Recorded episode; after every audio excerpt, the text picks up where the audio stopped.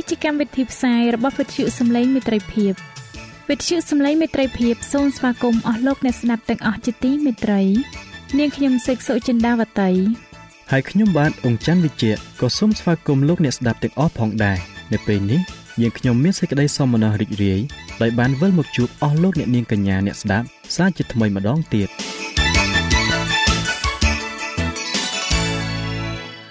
នាងខ្ញុំសេកសុចិន្តាវតី សូមជម្រាបជូនកម្មវិធីផ្សាយដែលមានជាបន្តបន្ទាប់ដូចតទៅនេតិជួបជាមួយព្រះបន្ទូលនេតិសុខភាពចា៎លោកអ្នកស្ដាប់ជាទីមេត្រី នាងខ្ញុំសូមគោរពអញ្ជើញអស់លោកលោកស្រីអ្នកនាងកញ្ញាតាមដានស្ដាប់កម្មវិធីផ្សាយរបស់វិទ្យុយើងខ្ញុំដូចតទៅ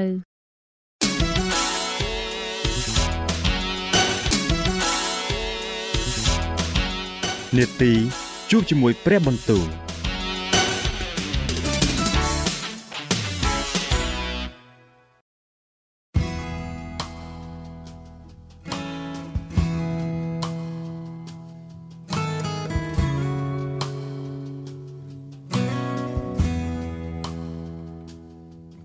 ចាអស់លោកអ្នកស្ដាប់ជាទីមេត្រី ជាដំបូងនាងខ្ញុំសូមអញ្ជើញលោកអ្នកនាងស្ដាប់នេតិជួបជាមួយព្រះបន្ទូល នេតិនេះនឹងលើកយកព្រះបន្ទូល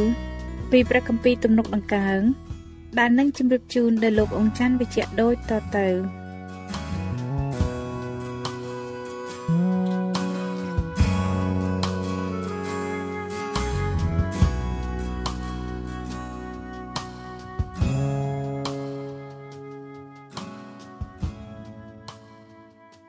ព្រះគម្ពីរទំនុកដំកើងជំពូកទី6 អោព្រះយេហូវ៉ាអើយសូមកុំបន្ទោសទូបង្គំក្នុងការដែលទ្រង់ខ្ញាល់ហើយកាលណាទ្រង់មានព្រះハរតីខូខើនោះសូមកុំផ្ចាញ់ផ្ចាលទូបង្គំឡើយអោព្រះយេហូវ៉ាអើយសូមប្រោះមេត្តាដល់ទូបង្គំផងត្បិតទូបង្គំខ្សោយអោព្រះយេហូវ៉ាអើយសូមប្រោះទូបង្គំឲ្យជាត្បិតឆ្អឹងទូបង្គំញ័ររន្ធត់ព្រលឹងទូបង្គំក៏ថប់បារម្ភជាខ្លាំងដែរឯទ្រង់ អោព្រះយេហូវ៉ាអើយតើដល់កាលណាអោព្រះយេហូវ៉ាអើយសូមទ្រង់យាងមកវិញ ហើយប្រោះព្រលឹងទូបង្គំឲ្យរួចសូមទ្រង់ជួយសង្គ្រោះទូបង្គំដោយយល់ដល់សេចក្តីសប្បុរសនៃទ្រង់ត្បិតក្នុងមរណភាពគ្មានសេចក្តីនឹកចាំពីទ្រង់ទៀតឡើយនៅស្ថានខំព្រលឹងមនុស្សស្លាប់នោះតើអ្នកណានឹងសរសើរដល់ទ្រង់ទូបង្គំអស់កម្លាំងដោយធ្ងោ ដំណេកទូបង្គំត្រូវទៅទឹកជោកទាល់ភ្លឺទឹកភ្នែកទូបង្គំហូរស្រោចដាបក្រែភ្នែកទូបង្គំស្រវាំងទៅ ដោយថប់ព្រួយក៏ទៅជាចាស់ដោយព្រោះពួកដែលតតាំងនឹងទូបង្គំណែអស់អ្នកដែលប្រព្រឹត្តអំពើទុច្ចរិតអើយចូលថយចេញពីអញទៅត្បិតព្រះយេហូវ៉ាទ្រង់បានស្ដាប់សំឡេងអញយំព្រះយេហូវ៉ាបានស្ដាប់ពាក្យដែលអញទូលអង្វរហើយព្រះយេហូវ៉ា ទ្រង់នឹងទទួលពាក្យដែលអញអធិដ្ឋានផងអស់ពួកខ្មាំងសត្រូវរបស់អញនឹងត្រូវអៀនខ្មាស់ហើយថប់បារម្ភជាខ្លាំងគេនឹងថយចេញព្រមទាំងមានសេចក្តីខ្មាស់ភ្លាមមួយរំពេចព្រះគម្ពីរទំនុកដំកើងចំពូកទី7អោព្រះយេហូវ៉ាជាព្រះនៃទូបង្គំអើយទូបង្គំយកទ្រង់ជាទីជ្រកកោនសូមទ្រង់ជួយសង្គ្រោះទូបង្គំ ឲ្យរួចពីអស់អ្នកដែលដេញតាមទូបង្គំផង ក្រែងគេហាយប្រលឹងនៃទូបង្គំដូចជាសឹងព្រមទាំងហាយឲ្យខ្ទេចខ្ទីផង ក្នុងការដែលគ្មានអ្នកណានឹងដោះឲ្យរួចអោព្រះយេហូវ៉ាជាព្រះនៃទូបង្គំអើយបើសិនជាទូបង្គំបានធ្វើដូច្នេះគឺបើមានអំពើទុច្ចរិតណានៅដៃទូបង្គំបើទូបង្គំធ្វើការអាក្រក់ស្នងដល់អ្នកណាដែលមេត្រីនឹងទូបង្គំ បើទូបង្គំបានរឹបជន់អ្នកដែលតតាំងនឹងទូបង្គំដោយឥតហេតុនោះសូមឲ្យខ្មាំងសត្រូវដេញតាមប្រលឹងទូបង្គំទាន់ចោះអើសូមឲ្យគេញោមញីជីវិតទូបង្គំចោះដល់ដី ហើយបងអាប់យោះទូបង្គំ នៅក្នុងធូលីដីផងអោព្រះយេហូវ៉ាអើយសូមតានឡើង ដោយសេចក្តីខ្ញាល់របស់ទ្រង់សូមងើបឡើងទាស់នឹងសេចក្តីខូខើរបស់ពួកតតាំងនឹងទូបង្គំ សូមទ្រង់តើឡើងជួយទូបង្គំ ដោយសេចក្តីយុត្តិធម៌ដែលទ្រង់បានបង្គាប់ហើយយ៉ាងនោះជំនុំនៃបណ្ដាជនទាំងឡាយនឹងមកនៅព័ទ្ធជុំវិញទ្រង់សំទ្រង់ឡើងលើទីខ្ពស់ពីលើគេវិញព្រះយេហូវ៉ាទ្រង់តែងជំនុំជម្រះបណ្ដាជនទាំងឡាយអោព្រះយេហូវ៉ាអើយសូមទ្រង់ជំនុំជម្រះទូបង្គំតាមសេចក្តីសុចរិតនិងសេចក្តីទៀងត្រង់របស់ទូបង្គំផង អោសូមឲ្យការអាក្រក់របស់មនុស្សល្មើសបានផុតទៅ តែសូមតាំងមនុស្សសុចរិតឲ្យខ្ជាប់ជួនឡើងត្បិតព្រះរសុចរិតទ្រង់សាកលោចិត្តថ្លើមខែលនៃទូបង្គំនៅជាមួយនឹងព្រះ ដែលទ្រង់ជួយសង្គ្រោះមនុស្សមានចិត្តទៀងត្រង់ព្រះទ្រង់ជាចៅក្រមសុចរិតអើទ្រង់ជាព្រះដែលមានសេចក្តីខ្ញាល់ចំពោះមនុស្សអាក្រក់រាល់តែថ្ងៃបើអ្នកណាមិនប្រែចិត្តនោះទ្រង់នឹងសំលៀងដាវ ទ្រង់បានយឺតដំឡើងធ្នូជាស្រេចទ្រង់ក៏រៀបចំគ្រឿងដែលសម្រាប់សម្លាប់គេទុករួចហើយទ្រង់ធ្វើព្រួញឆេះទុកសម្រាប់បាញ់មើលគេឈឺនិងសម្រាលការទុច្ចរិតរបស់គេក៏មានផ្ទៃពោះជាសេចក្តីអាក្រក់ហើយសម្រាលចាញ់ជាសេចក្តីកំពូតគេបានជីកធ្វើរណ្ដៅហើយខ្លួនគេបានធ្លាក់ទៅក្នុងរណ្ដៅដែលគេធ្វើនោះ សេចក្តីអាក្រក់របស់គេនឹងត្រឡប់មកលើក្បាលគេវិញ ហើយសេចក្តីច្រឡោតរបស់គេនឹងចោះមកលើក្រយ៉ៅក្បាលគេដែរខ្ញុំនឹងសរសើរដល់ព្រះយេហូវ៉ាតាមសេចក្តីសុចរិតទ្រង់ហើយនឹងច្រៀងដំកើងថ្វាយព្រះនាមព្រះយេហូវ៉ាដ៏ខ្ពស់បំផុតព្រះគម្ពីរទំនុកដំកើងជំពូកទី8អោព្រះយេហូវ៉ាជាព្រះអង្គម្ចាស់នៃយើងខ្ញុំអើយ ព្រះនាមទ្រង់ប្រសើរគ្រប់លើផែនដីយ៉ាងណាទៅទ្រង់បានដំកល់សេរីល្អទ្រង់ទុកនៅលើស្ថានសួគ៌ទ្រង់បានតាំងឲ្យមានសេចក្តីសរសើរដោយសារមាត់គុណក្មេង និងកូនដែលនៅបៅដោះដោយព្រោះពួកតតាំងនឹងទ្រង់ដើម្បីនឹងធ្វើឲ្យពួកខ្មាំងសត្រូវព្រមទាំងពួកសងសឹកបានស្ងៀមនៅ កាលណាទូបង្គំពិចារណាមើលផ្ទៃមេឃជាការដែលព្រះហស្ថទ្រង់បានធ្វើ គឺទាំងខែនិងផ្កាយ ដែលទ្រង់បានប្រតិស្ថានទុក នោះតើមនុស្សជាអ្វីដែលទ្រង់នឹករលឹកដល់គេ ហើយកូនមនុស្សផង ដែលទ្រង់ប្រោះដូច្នេះត្បិតទ្រង់បានធ្វើឲ្យគេទៀបជាងពួកទេវតាតែបន្តិចទេក៏បានបំពាក់សេរីល្អនិងគេឈ្មោះឲ្យទុកជាមកុដទ្រង់បានតាំងគេឲ្យត្រួតលើអស់ទាំងការនៃព្រះហស្ថទ្រង់ក៏បានបញ្ចុះបញ្ចូល គ្រប់ទាំងអស់ឲ្យនៅក្រោមជើងគេ គឺអស់ទាំងជៀមនិងគោអាលទាំងសត្វព្រៃផងអស់ទាំងសត្វហើរលើអាកាស និងត្រីនៅសមុទ្រគឺសត្វផងទាំងពួងដែលហែលនៅផ្លូវទឹកអោព្រះយេហូវ៉ាជាព្រះអង្គម្ចាស់នៃយើងខ្ញុំអើយព្រះនាមទ្រង់ប្រសើរនៅគ្រប់លើផែនដីយ៉ាងណាទៅ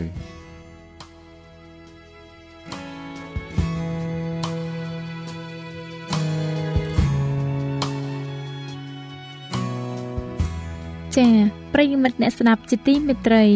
ដោយពេលវេលាមានកំណត់ យើងខ្ញុំសូមផ្អាកនេតិជប់ជាមួយព្រឹបបន្ទូលនេះត្រឹមតែប៉ុណ្ណេះសិនចុះដោយសន្យាថានឹងលើកយកនីតិនេះមកជម្រាបជូនជាបន្តទៀតនៅថ្ងៃស្អែកសូមអរគុណ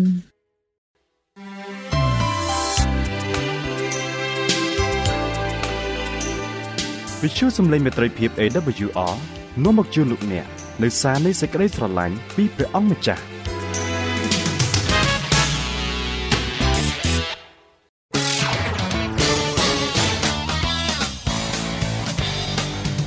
សូមជូននីតិសុខភាព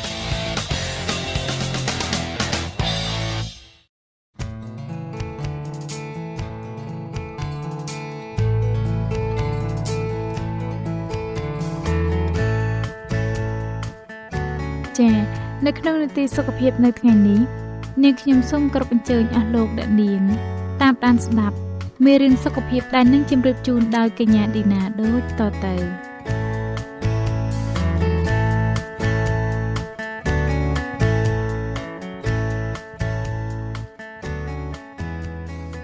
លោកលោកស្រីនិងប្រិយមិត្តអ្នកស្ដាប់ជាទីមេត្រី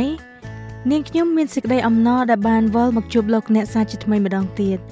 ចានៅថ្ងៃនេះនាងខ្ញុំមានកិត្តិយសសូមលើកយកពាក្យបញ្ចប់ដែលតពីមេរៀនមុនមកចែកជូនដល់អស់លោកអ្នកចចានៅភាគទី1លោកអ្នកបានស្ដាប់រួចមកហើយអំពីអាហារសម្រាប់ចិញ្ចឹមរាងកាយដូចជាគ្រាប់ធនជាតិផ្លែឈើនិងបន្លែនិងពពួកសណ្ដែកគ្រាប់សណ្ដែកនិងគ្រាប់ឈើរួចមកហើយ ដូច្នេះនាងខ្ញុំនឹងជម្រាបជូនភាគទី2នៃមេរៀនដែលនិយាយពីរបបអាហារសម្រាប់ជីវិតអ្នកដូចតទៅចាអស់លោកអ្នកត្រូវជ្រាបថារាងកាយយើងត្រូវការខ្លាញ់ប្រេងស្ករនិងអំបិលក្នុងបរិមាណតិចតួចបំផុតខណៈពេលដែលខ្លាញ់និងជាតិសូដ្យូមគឺជាសារធាតុសំខាន់សម្រាប់ធ្វើឲ្យសុខភាពល្អបំផុតបើប្រើច្រើនហូរពេកក៏អាចបណ្ដាលឲ្យមានបញ្ហាដល់សុខភាពធ្ងន់ធ្ងរដែរ ជាតិអ៊ីយ៉ូតគឺជារ៉ែដ៏សំខាន់ដែលអាចទទួលបានយ៉ាងងាយប្រសិនបើគេប្រើអំបិលអ៊ីយ៉ូតប៉ុន្តែគេក៏អាចទទួលបានពីអំបិលសមុទ្រសារ៉ាយសមុទ្រឬអាហារបន្ថែមផងដែរដើម្បីរក្សាសុខភាពយើងមិនគួរប្រើស្ករចម្រាញ់ដូចជាស្ករសនោះទេប្រសិនបើចង់ប្រើគួរដាក់តែបន្តិចដើម្បីឲ្យអាហារកាន់តែមានអជារសនោះបានហើយសប្តាហ៍ថ្ងៃនេះអ្នកវិទ្យាសាស្ត្រខាងអាហារូបត្ថម្ភ ទទួលស្គាល់ថាមនុស្សគួរបរិភោគអាហាររុក្ខជាតិជាមូលដ្ឋានគ្រឹះដើម្បីទ្រទ្រង់សុខភាពនិងកាត់បន្ថយគ្រោះថ្នាក់ពីជំងឺដំកាត់ផ្សេងៗគន្លឹះមួយដ៏សំខាន់បំផុតក្នុងការបរិភោគអាហារដែលមានមូលដ្ឋាននៅក្នុងរុក្ខជាតិឲ្យមានតុល្យភាពគឺត្រូវជ្រើសរើសប្រភេទអាហារដែលមានពណ៌រូបរាងនិងមានរសជាតិបន្ថែមដែលធ្វើឲ្យអាហារមានភាពតាក់ទាញគួរឲ្យចង់ទទួលទាន អាហារបែបនេះល្អបំផុតនៅពេលដែលគេប្រើប្រាស់ស្រស់ៗតាមលក្ខណៈធម្មជាតិគឺមិនទាន់ចម្រាញ់ឬបំបែកគួរយកអាហារពេញលេញបែបនេះធ្វើជាគោលដៅបច្ចុប្បន្ននេះវិទ្យាសាស្ត្រខាងវិទ្យាសាស្ត្របានទទួលស្គាល់ពីគុណសម្បត្តិនៃរបបអាហារដែលអត់មានសាច់ឬគេតែងហៅថាជាអាហារបួស របបអាហារបន្លែឬអាហារបួសដែលមានមូលដ្ឋាននៅលើរុក្ខជាតិដ៏មានលក្ខណៈពិសេសដូចខាងក្រោមទី1មានកម្រិតជាតិខ្លាញ់ទាបជាពិសេសខ្លាញ់ដែលរលាយទី2មានកម្រិតជាតិស្ករចម្រាញ់រួចទាប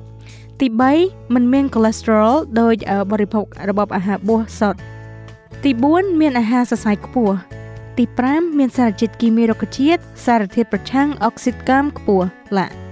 ទី6ជាប្រភពវីតាមីន និងសារធាតុរ៉ែខ្ពស់ ដោយសង្កត់ធ្ងន់ទៅលើការទទួលយកប្រភេទនៃអាហារនេះជាពិសេសរបបអាហារឥតប្រើសាច់ឥឡូវនេះយើងបង្វែរការយកចិត្តទុកដាក់របស់យើងទៅលើសារៈសំខាន់នៃការជ្រើសរើសអាហារអស់លោកអ្នកស្ដាប់ជាទីមេត្រីខាងក្រោមនេះគឺជាគោលការណ៍ដែលលោកអ្នកគួរចងចាំពីរបៀបអាហារដែលផ្ដល់សុខភាពល្អនិងសម្រាប់ការជ្រើសរើសអាហារល្អសូមលោកអ្នកចងចាំទុកនៅគោលការណ៍ដ៏សាមញ្ញដូចខាងក្រោមគោលការណ៍ទី1គឺភាពខុសគ្នាគោលការណ៍សំខាន់បំផុតនៃការបរិភោគអាហារគឺ ត្រូវជ្រើសរើសអាហារខុសៗគ្នាធ្វើដូច្នេះបញ្ជាក់ថាយើងទទួលបានសារធាតុអាហារចិញ្ចឹមគ្រប់គ្រាន់ដើម្បីផ្គត់ផ្គង់ដល់រាងកាយឲ្យមានសុខភាពល្អនិងមានអាហារដែលមានប្រភេទមានរសជាតិនិងពណ៌ខុសៗគ្នាហើយឲ្យអាហារคล้ายទៅជាទីគាប់ចិត្តគោលការណ៍ទី2គឺគុណភាពសូមលោកអ្នកជ្រើសរើសអាហារភាគច្រើនរបស់លោកអ្នកពីអាហារពេញលេញមិនមែនជាអាហារដែលគេចម្រាញ់រួចនោះទេអាហារបែបនេះមានកម្រិតសារធាតុចិញ្ចឹមច្រើនជាងកម្រិតកាឡូរី គោលការណ៍ទី3គឺការចេះប្រមាណយើងគួរបរិភោគសមាសភាពសំខាន់សំខាន់នៃរបបអាហារដែលមានសុខភាពល្អមួយចំនួននៅក្នុងបរិមាណតិចតួចបំផុតរាងកាយរបស់យើងក៏ត្រូវការបរិមាណខ្លាញ់និងអំបិលចាំបាច់តិចតួចត្រឹមតែល្មមគ្រប់គ្រាន់ដើម្បីឲ្យរាងកាយរបស់យើងមានដំណើរការល្អប៉ុន្តែការថតជាបញ្ហាដែលកំពុងកើនឡើងនៅទូទាំងពិភពលោកយើងគិតថាការបរិភោគអាហារល្អឲ្យបានច្រើនគឺជាការល្អយើងត្រូវតែរក្សាឲ្យមានតុល្យភាព រវាងបរិមាណនៃធម្មពលដែលពួកយើងប្រើប្រាស់ជាមួយនឹងធម្មពលដែលយើងបញ្ចេញនៅក្នុងសកម្មភាពខាងរាងកាយយើងត្រូវតែរក្សាឲ្យមានតុល្យភាពរវាងបរិមាណនៃធម្មពលដែលយើងប្រើប្រាស់ជាមួយនឹងធម្មពលដែលយើងបញ្ចេញនៅក្នុងសកម្មភាពខាងរាងកាយតាមរយៈការហាត់ប្រាណជាដើមប្រសិនបើយើងនៅតែចង់មានទម្ងន់ល្អសម្រាប់សុខភាព រីឯគោលការណ៍ទី4ចុងក្រោយគឺការជៀសវាងលោកអ្នកគួរជៀសវាងអាហារចម្រាញ់ដែលគេបានដកយកចេញនៅសារជាតិអាហារូបត្ថម្ភចេញជាច្រើនព្រមទាំងអាហារនិងភេសជ្ជៈដែលមិនមានអាហារូបត្ថម្ភឧទាហរណ៍ដូចជាសូរ៉ាកាហ្វេ និងទឹកក្រូចកំប៉ុងជាដើម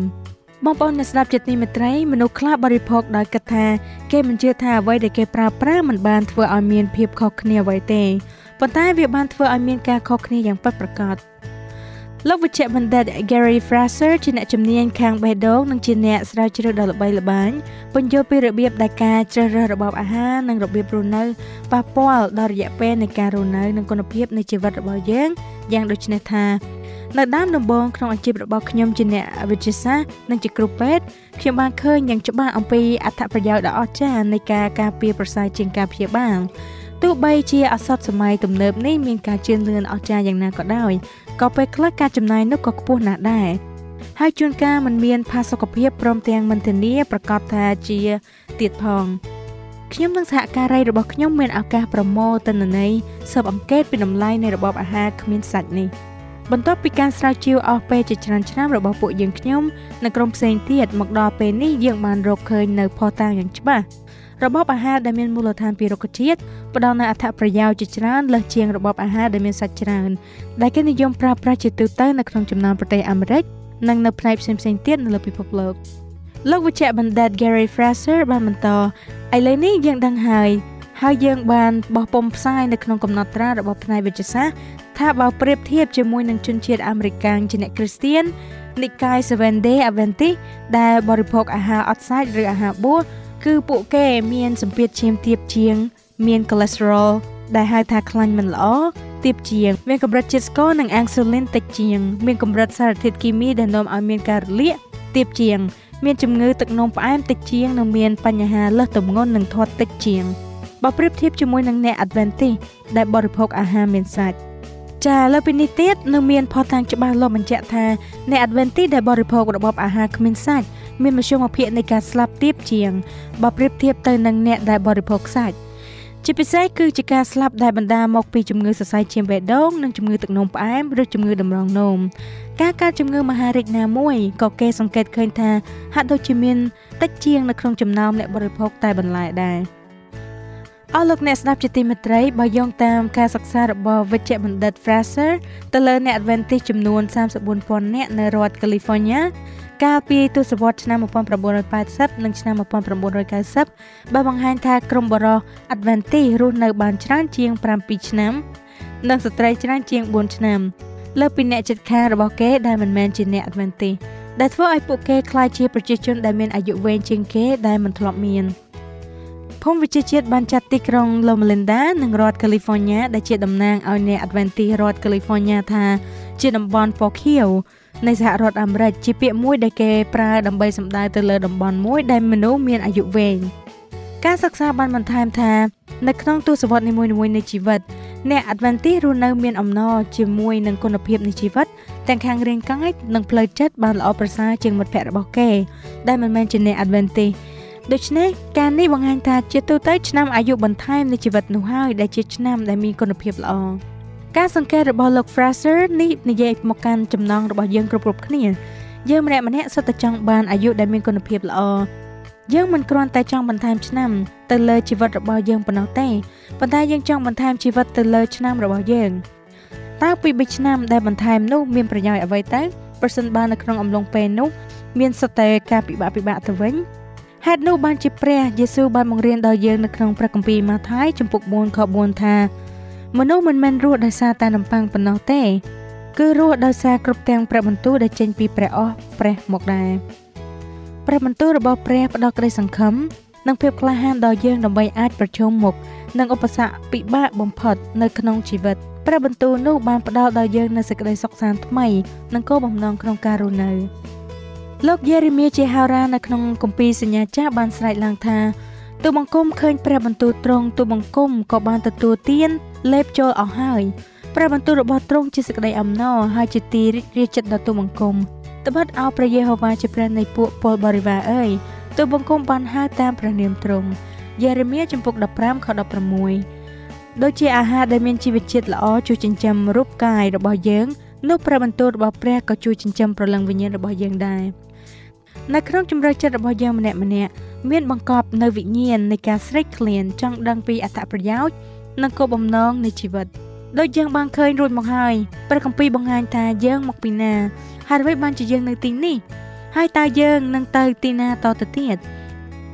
ព្រះគម្ពីរនេះប្រាប់ថាយើងត្រូវបានបង្កើតឡើងពោពេញទៅដោយសេចក្តីស្រឡាញ់ ដែលព្រះទ្រង់បានយកប្រតិទុកដាក់ដល់យើងជាអនេកដែលយើងមិនអាចនឹកដល់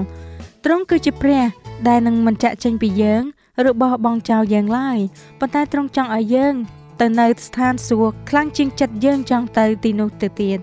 ព្រះគម្ពីរបានបង្ហាញពីព្រះនៃសេចក្តីសង្ឃឹមដ៏អស្ចារ្យដែលកំពុងរៀបចំពិធីជប់លៀងដ៏ធំមួយសម្រាប់យើង នៅថ្ងៃមួយនៅស្ថានសួគ៌នាពេលឆាប់ឆាប់នាពេលឆាប់ដ៏អស់កលនេះ តម្រាំដល់ពេលនោះទ្រង់ត្រាស់ហៅយើងឲ្យថែទាំរាងកាយរបស់យើងនៅទីនេះក្នុងការរៀបចំខ្លួនជាមុនដើម្បីរស់នៅជាមួយទ្រង់នៅឯផែនដីថ្មីមួយដូច្នេះសូមថ្វាយរាងកាយរបស់លោកអ្នកទៅព្រះនិងសម្រេចចិត្តថ្វាយសេរីល្អដល់ទ្រង់ក្នុងគ្រប់ទាំងការដែលអ្នកបរិភោគចោះលោកអ្នកអាចសម្លឹងមើលទៅមុខនៅថ្ងៃណាមួយដែលលោកអ្នកនឹងអង្គុយនៅជំនួយបលាំងរបស់ព្រះហើយបរិភោគជាមួយព្រះជាម្ចាស់នៅក្នុងព្រះរាជពិធីជប់លៀងនៅក្នុងនគររបស់ទ្រង់នោះអស់លោកអ្នកស្ដាប់ជាទីមេត្រី នាងខ្ញុំបានបញ្ចប់ភាគទី2នៃមេរៀនដែលនិយាយពីរបបអាហារសម្រាប់ជីវិតអ្នកជូនអស់លោកអ្នកជាបរិបូរហើយនាងខ្ញុំសូមជម្រាបលាអស់លោកអ្នកត្រឹមតែប៉ុណ្្នឹងសិនចុះហើយសន្យាថានឹងវិលមកជួបអស់លោកអ្នកសាជាថ្មីម្ដងទៀតតាមពេលវេលានឹងម៉ោងដដែលសូមឲ្យព្រះជាម្ចាស់ប្រទានពរដល់អស់លោកអ្នកទាំងអស់គ្នាសូមអរគុណ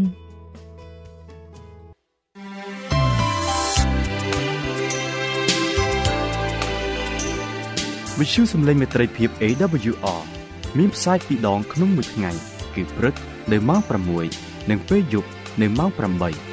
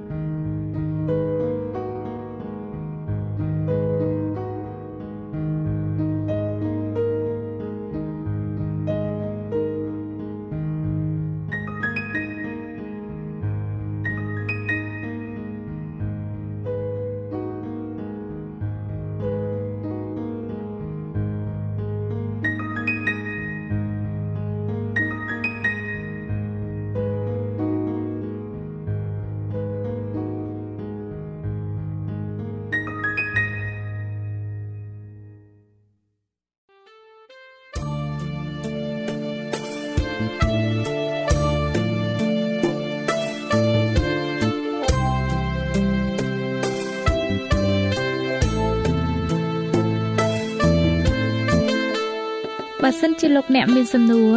ឬសំណុំពរអ្វីសូមតាក់ទងមកការិយាល័យវិទ្យុយើងខ្ញុំ តាមអាស័យដ្ឋានផ្ទះលេខ15ផ្លូវលេខ568សង្កាត់បឹងកក់2ខណ្ឌទួលគោករាជធានីភ្នំពេញលោកអ្នកក៏អាចសរសេរសម្បត្តិផ្ញើមកយើងខ្ញុំតាមរយៈប្រអប់សម្បត្តិលេខ488ភ្នំពេញឬតាមទូរស័ព្ទលេខ012 34 96 64ឬ097 80 81 060ឬក៏តាមរយៈអ៊ីមែល vol@awr.org យើងខ្ញុំរងចាំទទួលស្វាគមន៍អស់លោកអ្នកនាងដោយក្តីសោមនស្សរីករាយហើយលោកអ្នកក៏អាចស្ដាប់កម្មវិធីនេះឡើងវិញដោយចូលទៅកាន់ website របស់វិទ្យុយើងខ្ញុំ តាមរយៈអាស័យដ្ឋាន www.awr.org